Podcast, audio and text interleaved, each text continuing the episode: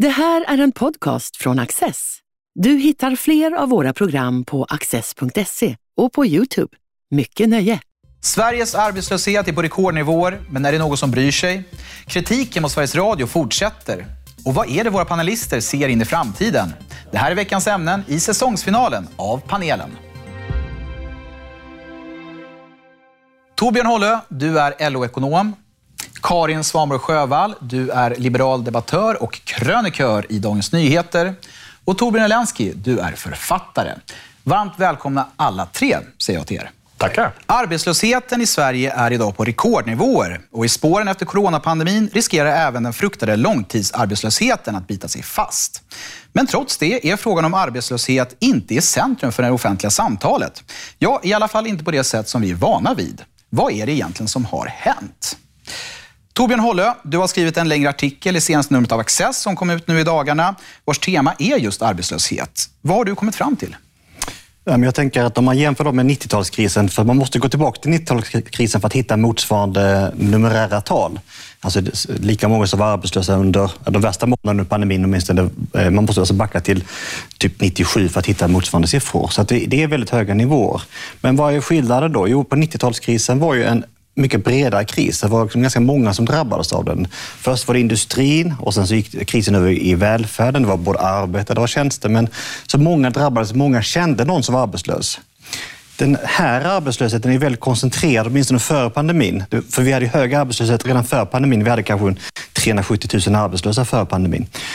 Och det var ju väldigt många utrikesfödda, en överväldigande majoritet, eh, kortutbildade, så en mer koncentrerad grupp. Sen kom ju pandemin och då blev det ungefär 100 000 arbetslösa till.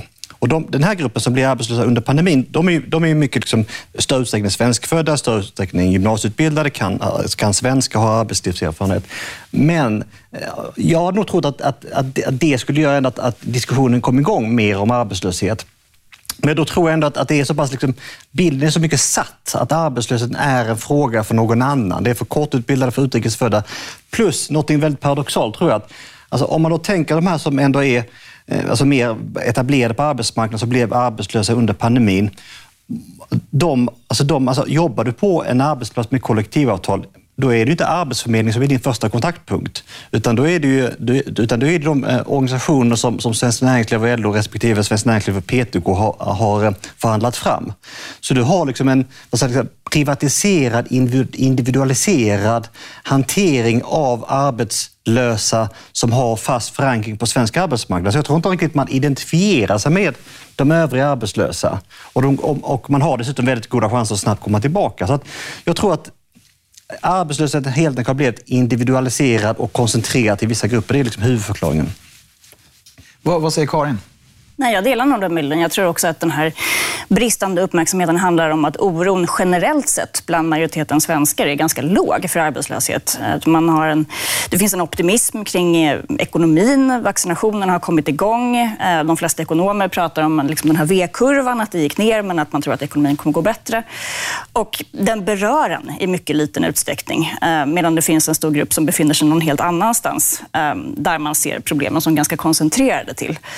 Ehm, men det som är intressant nu är ju dels frågan om hur man ska hantera det faktum att det här så tydligt illustrerar hur tudelad arbetsmarknaden verkligen har blivit. Det finns ju en matchningsproblematik även bland svenskar faktiskt kring utbildningssystemet. Men att de riktigt stora problemen med långtidsarbetslöshet finns liksom någon helt annanstans. Men när man nu ska försöka lägga fram en strategi för hur man ska pressa tillbaka den här så måste ju fokus vara på att se till att så få människor inte bara blir arbetslösa eh, som möjligt utan att man får igång en riktig jobbskaparpolitik. Och det är väl där den stora tror jag, politiska energin kommer ligga i. Alltså hur vi ska återstarta ekonomin, hur vi ska få fler företag att vilja anställa. Eh, och den berör ju liksom en större del av befolkningen. Och där har vi nog skattestrider som LO nu har, har blåst upp till exempelvis. Och så som jag tror kommer att, kommer att bli väldigt aktiva i den här debatten. Och det är ju bara att, att välkomna. Eh, om man ser på arbetslösheten bland, bland svenskfödda då, så är den ju väldigt låg, eh, några procent. Men däremot bland utrikesfödda så är den ju uppemot eh, ja, väldigt hög, nästan 20 procent. Vad får det för konsekvenser när, när arbetslösheten har en tydlig, eh, när den, när den får så tydliga etniska förtecken? Ja, dels så osynliggör den ju den i hög grad för majoriteten. Det tror jag stämmer mycket väl med vad ni båda säger. Men sen skulle jag säga att uh, det är lite speciellt också det här med att man kan ha arbete men ändå inte kunna försörja sig i Sverige, eller hur? Man mäter inte försörjningsgrad i lika hög utsträckning. Det är väldigt mycket som handlar om sysselsättning och såna saker, så att kanske siffrorna är ännu mycket värre om man börjar räkna liksom med lite andra utgångspunkter och andra parametrar. Liksom. Jag såg det kom någon rapport precis nu i april, som jag inte har läst hela, men från Handelshögskolan som några forskare skrivit, som handlar om hur ojämlikt eh, arbetslösheten drabbat under, under pandemin. här. Och det är ju tydligen, alltså verkligen påtagligt att ju lägre utbildning, ju lägre lön och så vidare man har, så har man större risk att bli arbetslös. Och inte bara i Sverige, utan i hela världen. Det här mönstret går igen överallt. I USA är det också så att de så att säga, latinos och svarta och så vidare i mycket högre utsträckning, alltså många gånger om mycket mer arbetslösa, har mist sina jobb än, än eh, vit medelklass naturligtvis. Då, liksom. Även om den också efterhand hotas mer och mer av den andra lilla grejen som också pågår i tysthet här och som accelererar under pandemin, liksom under radarn på något sätt, nämligen automatiseringen av olika tjänster. Som inte lär minska heller, för den gör ju också att man blir mindre beroende, både fjärrarbete av olika slag eh, och, och just automatisering av saker. Det var något inslag i Rapport igår om drönare som skulle köra ut hamburgare till folk och sånt där.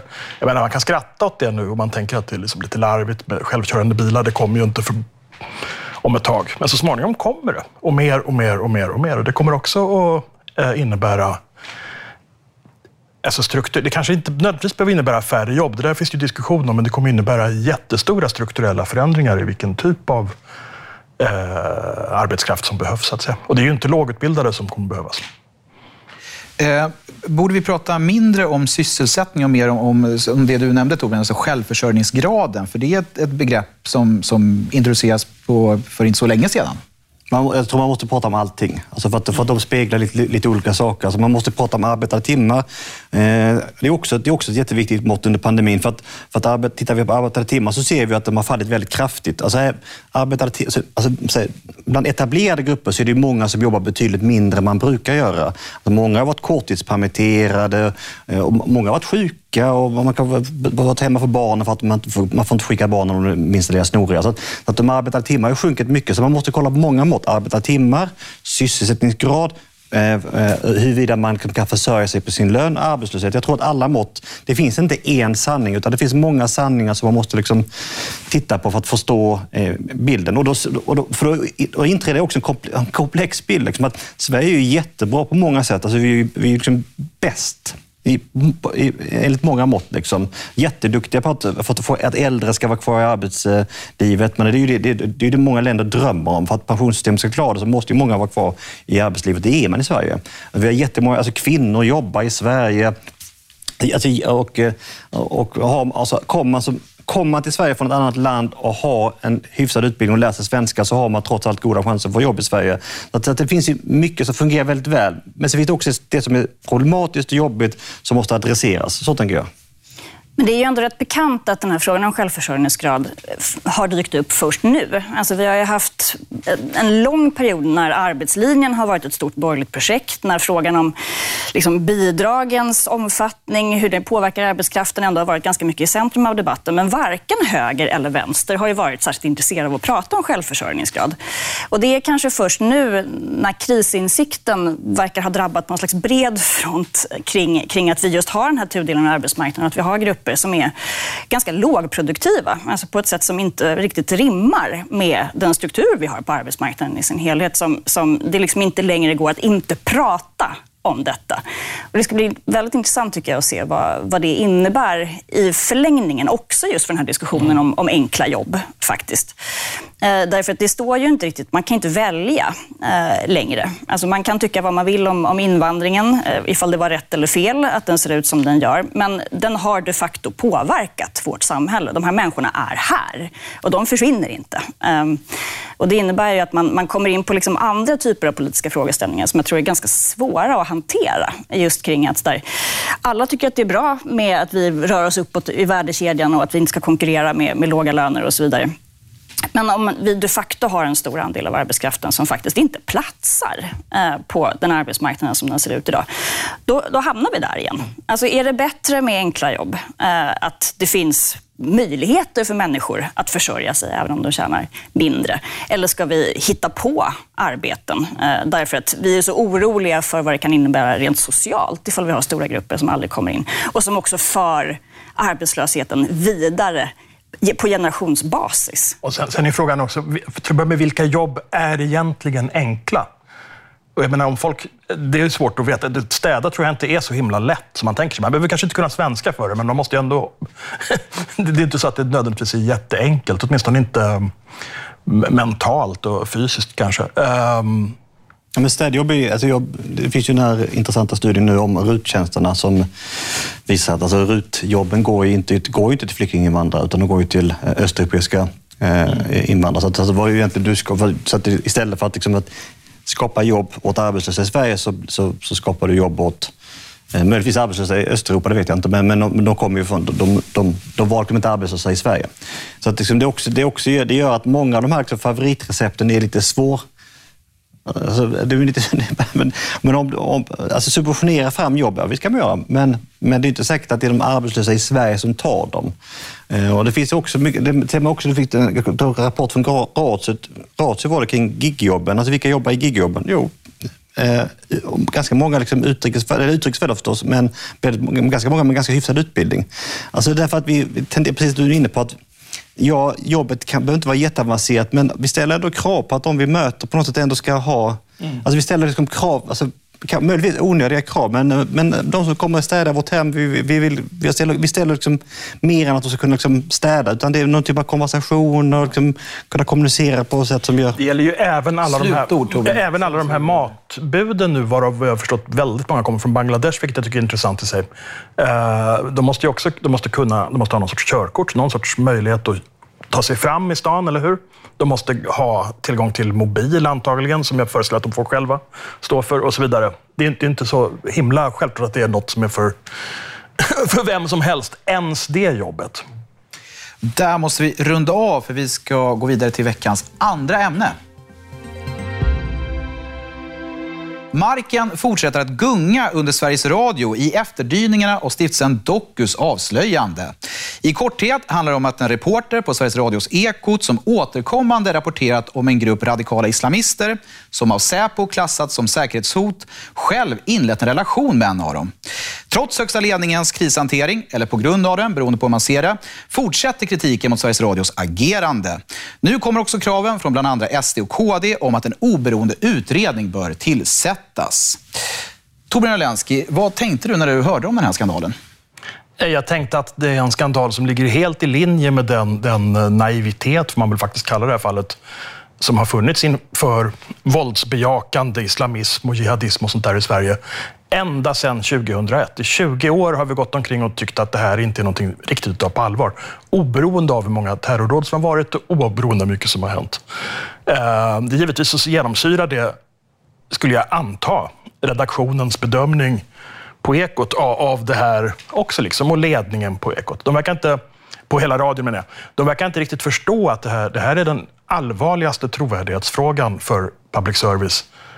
Ja, jag ska inte säga någonsin, men jag kommer, jag kommer inte ihåg någon annan som är lika allvarlig. Och att de fortsätter att framhärda i att de inte ska låta någon extern utredare, trots att framstående forskare som Wilhelm Agrell och Magnus eh, Ranstorp eh, anser att detta är rimligt. Eh, det, det, är högst märkligt. Oavsett om det är så att säga standard eller inte, så är det ju ändå nu att sedan ett tag så är public service bekostad genom skattemedel direkt. Det är inte fristående på samma sätt som det var tidigare. Jag vet inte, det är en väldigt underlig struktur det hela överhuvudtaget. Jag har lite svårt att förstå hur det är tänkt, men det måste ju vara rimligt att riksdagen har så att säga någon sorts högsta ansvar för det här när det bekostas via skattemedel. Och eh, om det är, finns lagar och regler som gör att inte det går att göra en extern utredning av det hela, som Silla Bänke verkar anse, då får man väl se till att ändra på det eller se till om det går att göra någon sorts undantag. Alternativt i värsta fall låta det ske en intern utredning. Däremot så tycker jag att det är vansinnigt att kräva att man ska ta bort de här reportagen. Man skulle kunna kommentera dem ännu mer, för en del av reportagen är sannerligen lite märkliga. Jag kollade och lyssnade på det här från när de gjorde Hagia Sofia till moské igen i fjol. Uh, Och det är otroligt märkligt att en så, inte bara religiöst, utan även framförallt skulle jag säga politiskt symboliskt laddad sak behandlas på det ytliga och, måste jag säga, här, positiva sätt. Som att det var en bra sak som har hänt av Ekot. Uh, man kan ha många åsikter om det här, men man kan inte behandla det när just den här reporten har gjort det på detta väldigt så att säga, bejakande sätt i Ekot, så du har ingen trovärdighet. Och vi borde repa upp. Det borde ligga kvar, men det borde tas en extra omgång med diskussion kring kanske flera av de här reportagen som hon gjorde. Karin, hur borde Sveriges Radios Ekot-redaktion eh, hanterat det här? Jag tycker det mest intressanta egentligen är i själva krishanteringen hur, alltså hur hur otroligt stressade de är. Alltså de är stressade på en nivå som jag kanske inte riktigt hade trott att de var, ändå givet vilken ställning de har och vilket förtroende public service fortfarande har bland allmänheten. Och jag håller nog inte med dig. Jag tycker nog att man borde ha tagit bort dem. Um, alltså, grundsatsen i all krishantering är ju i regel att det är bättre att förekomma än att förekommas. Men det är ju svårt att att inte någonstans misstänka att man helt enkelt hoppades att det här inte skulle upptäckas. Ehm, det finns ju de som säger att man borde låta det vara kvar, att man i så fall skulle ha en, att man skulle skriva någonting om, om detta så att liksom läsarna kunde, kunde få den bakgrunden. Men jag tror att man bedömde det som en större förtroendeskada. Och då har man nu hamnat i det här läget där man precis där man inte vill hamna, nämligen att det nu har blivit en politisk sak och att man nu har politiker i Sveriges riksdag som kräver oberoende utredningar. Alltså just den här skräcken som man har haft för att politiken kommer att börja lägga sig i på olika sätt har man ju nu aktiverat eh, på ett sätt. Så det, det, är otroligt olyckligt för, för Sveriges Radio. Här. Man har i allra högsta grad aktiverat den. Och jag, säger, jag tycker reportagen ska ligga kvar, framförallt av den anledningen kanske i någon sorts sandlåda eller vad man kallar det för. Att om de försvinner då kommer spekulationerna bara bli ännu mer hysteriska om vad hon egentligen sa eller vad som egentligen gjordes med reportagen. Det är bättre att de är tillgängliga eh, med någon sorts brasklapp då eller något sånt där. Jag ska tillägga att eh, om jag förstått det korrekt så har de här inslagen nu fått en liten förklarande text längst ner där, där det står att de här inslagen då är kontroversiella. Ja, fast man kanske borde fördjupa det ytterligare och faktiskt göra en riktig genomgång. Är de det? Varför? Jag menar, hon kan ha gjort bra reportage, fast hon då eventuellt har varit partisk, eller hon har varit partisk under en del av tiden som gjorde dem. Men hon kan ju ha gjort sakliga reportage ändå. Jag menar, väldigt många journalister har olika typer av sympatier och kan ändå göra bra jobb. Så det, det måste man ändå bedöma från fall till fall. Hagia Sofia var dåligt, tycker jag. Torbjörn Håller, vad är dina tankar kring den här affären? Ja, men jag, jag, tänker, jag tycker att, äh, att det finns Alltså jag gillar ju verkligen Sveriges Radio på många sätt. Det är ju en fantastisk äh, äh, media, eh, mediakälla. Men, men, men eh, det, finns det verkar finnas någon typ av säga, liksom, eh, ensidighet i perspektiven på Sveriges Radio som, som då borde ta på större allvar. Och jag, jag, ska säga jag tänker så att alla organisationer, eller företag eller medieorganisationer alltså lever ju hela tiden med risken att, att, man får, att, man, att det blir lite likriktat. Att man anställer personer med, med liksom ungefär samma perspektiv. Och att, alltså att, vi är så som, som människor. Liksom, man måste ju hela tiden jobba med det. Och jag tror att det är väl mycket som tyder på att Sveriges Radio måste jobba med att få in fler perspektiv på, på här, för att, att, att, den här, att det här bara kunde rulla på med den här, som du beskriver, ganska liksom, eh, partiska bevakningen redan före det var känt att hon hade den här relationen. Ju. Att det inte är någon som hojtar till på radion och säger att är det verkligen rimligt att det ligger kvar? Ska vi, ska vi liksom inte liksom nyansera med nya reportage så att vi får liksom en bredare bild? Uppenbarligen har inte, har inte de rösterna funnits på radion. Och det det, det, indikerar för mig att, att de måste verkligen jobba med att bredda sina perspektiv aktivt och förstå att de är fångade av en bubbla och de måste ur bubblan. Fast är, fast är det verkligen så? För jag tycker att jag har läst att det har varit diskussioner på Sveriges Radio. Alltså att det har funnits olika journalister som har haft olika åsikter om det här.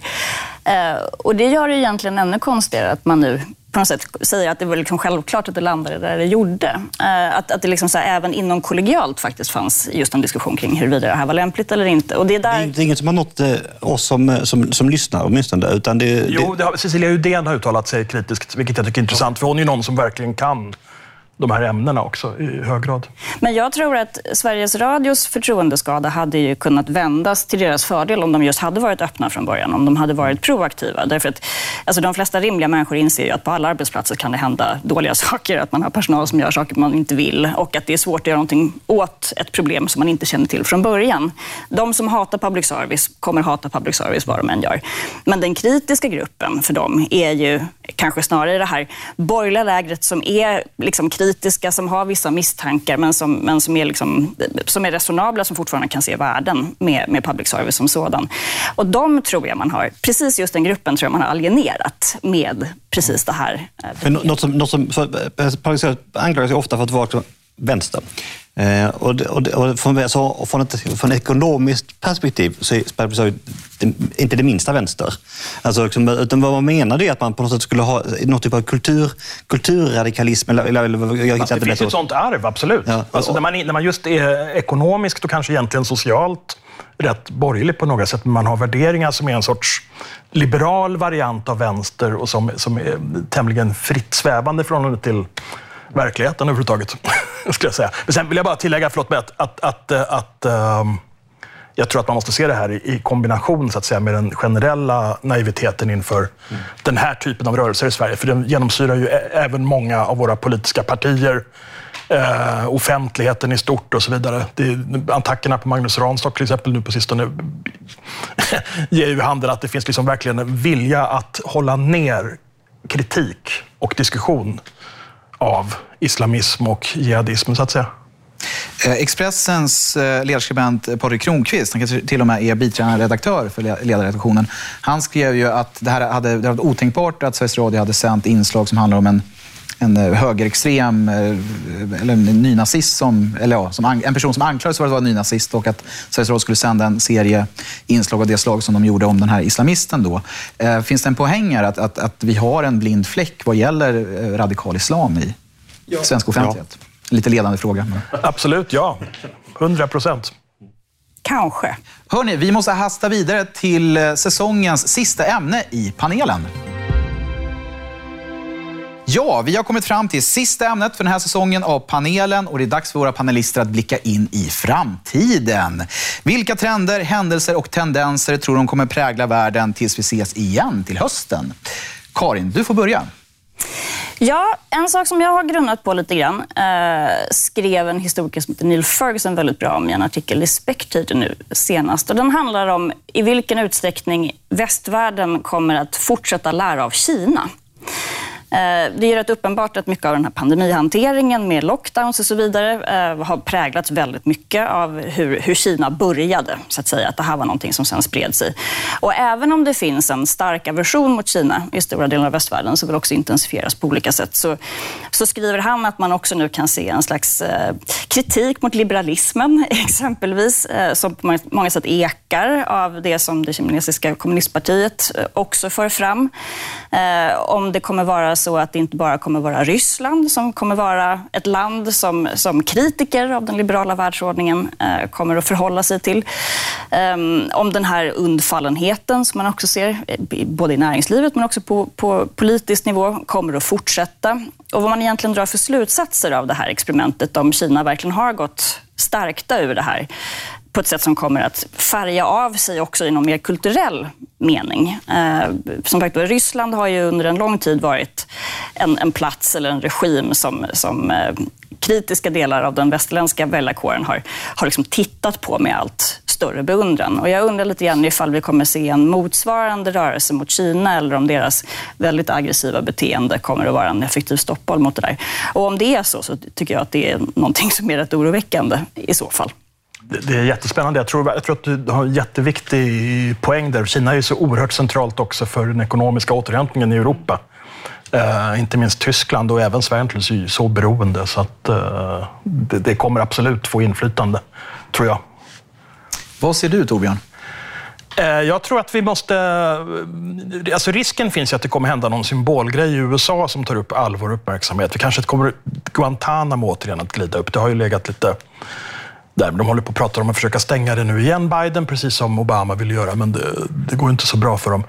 Risken är att det kommer att bubbla upp och så blir det alla första sidor om det. Men det vi verkligen borde ägna oss åt är EU naturligtvis, våra europeiska länder. Det krisande Frankrike, det superkrisande Italien, som nu tar emot den största, största delen av det här enorma hjälppaketet och där det liksom det 10 procent lever under fattigdomsstrecket nu. Det, det är fasansfulla siffror i Italien som också påverkar politiken naturligtvis. Tyskland, mm, Du kan, men jag menar, där är det ju val på gång och Merkels efterträdare, det verkar ju inte så klart. Vi måste vända oss mot Europa. Vi delar i EU, vi ligger i Europa. Vi kan inte hålla på och tjafsa om vad amerikanerna gör, utan vi måste koncentrera oss på vår egen världsdel och vår egen union.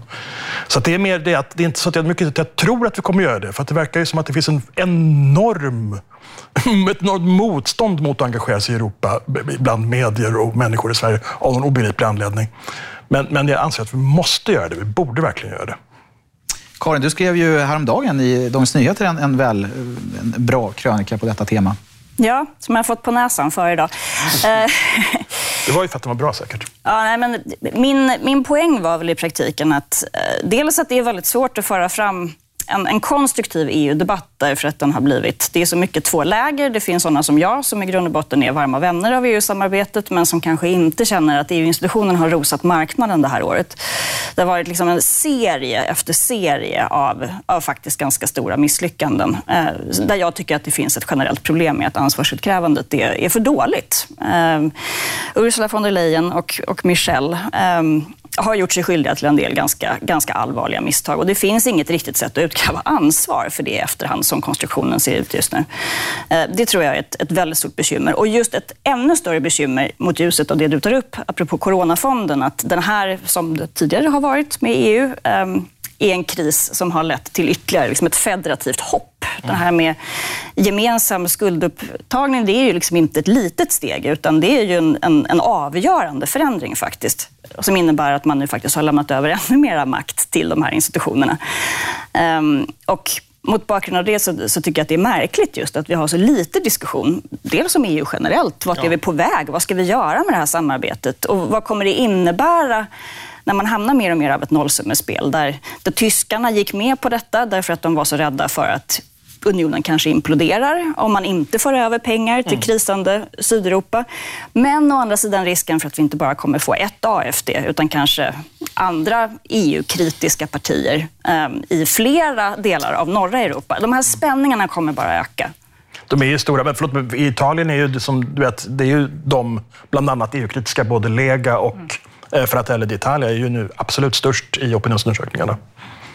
Torbjörn Hållö, slutord och slutspaning. Vad ser du i framtiden? Ja, men vad roligt, för min spaning är nämligen Norden. Eh, eh, ja, och jag tänkte både, egentligen både utifrån och inifrån. Och utifrån det är att jag tror att Norden kommer uppfattas som väldigt, som väldigt framgångsrikt. Och jag redan gör det när det gäller covid. Alltså när vi tittar på siffrorna så har EU så utmärkt sig Norden från att det är få som är döda, få som är sjuka, få som har skadats, eh, få, ganska lite ekonomisk skada eh, och eh, ganska begränsat med restriktioner. Och I det här läget så har ju Sverige klarat sig sämst när det gäller smitta och sjukdom, så det, men, men mer i nivå med andra europeiska länder. Men, men liksom den samlade bilden är nog ändå att, att Norden har varit framgångsrika. Och jag tror att många kommer fundera på vad är det som gör att Norden har klarat det bra. Kan det vara så att liksom, eh, god jämlikhet, bra allmän sjukvård, eh, alltså begränsade med klyftor, att, att det har varit bra. Liksom, det har liksom gjort det lättare att bekämpa pandemin. Så ett, ett intresse för Norden från omvärlden, men också intresse för Norden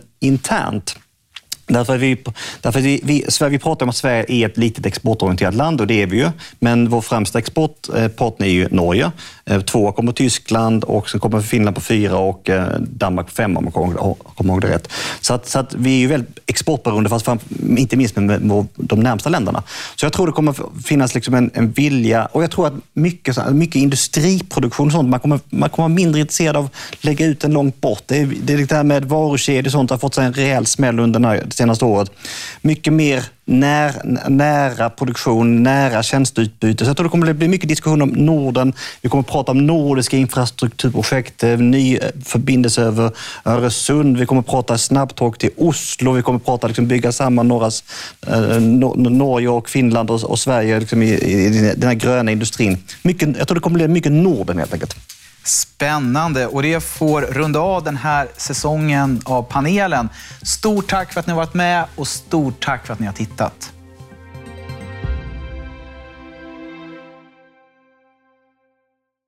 Du har just lyssnat på en podcast från Access. Du vet väl att vi också är en tv-kanal och tidning? Teckna en prenumeration idag på access.se.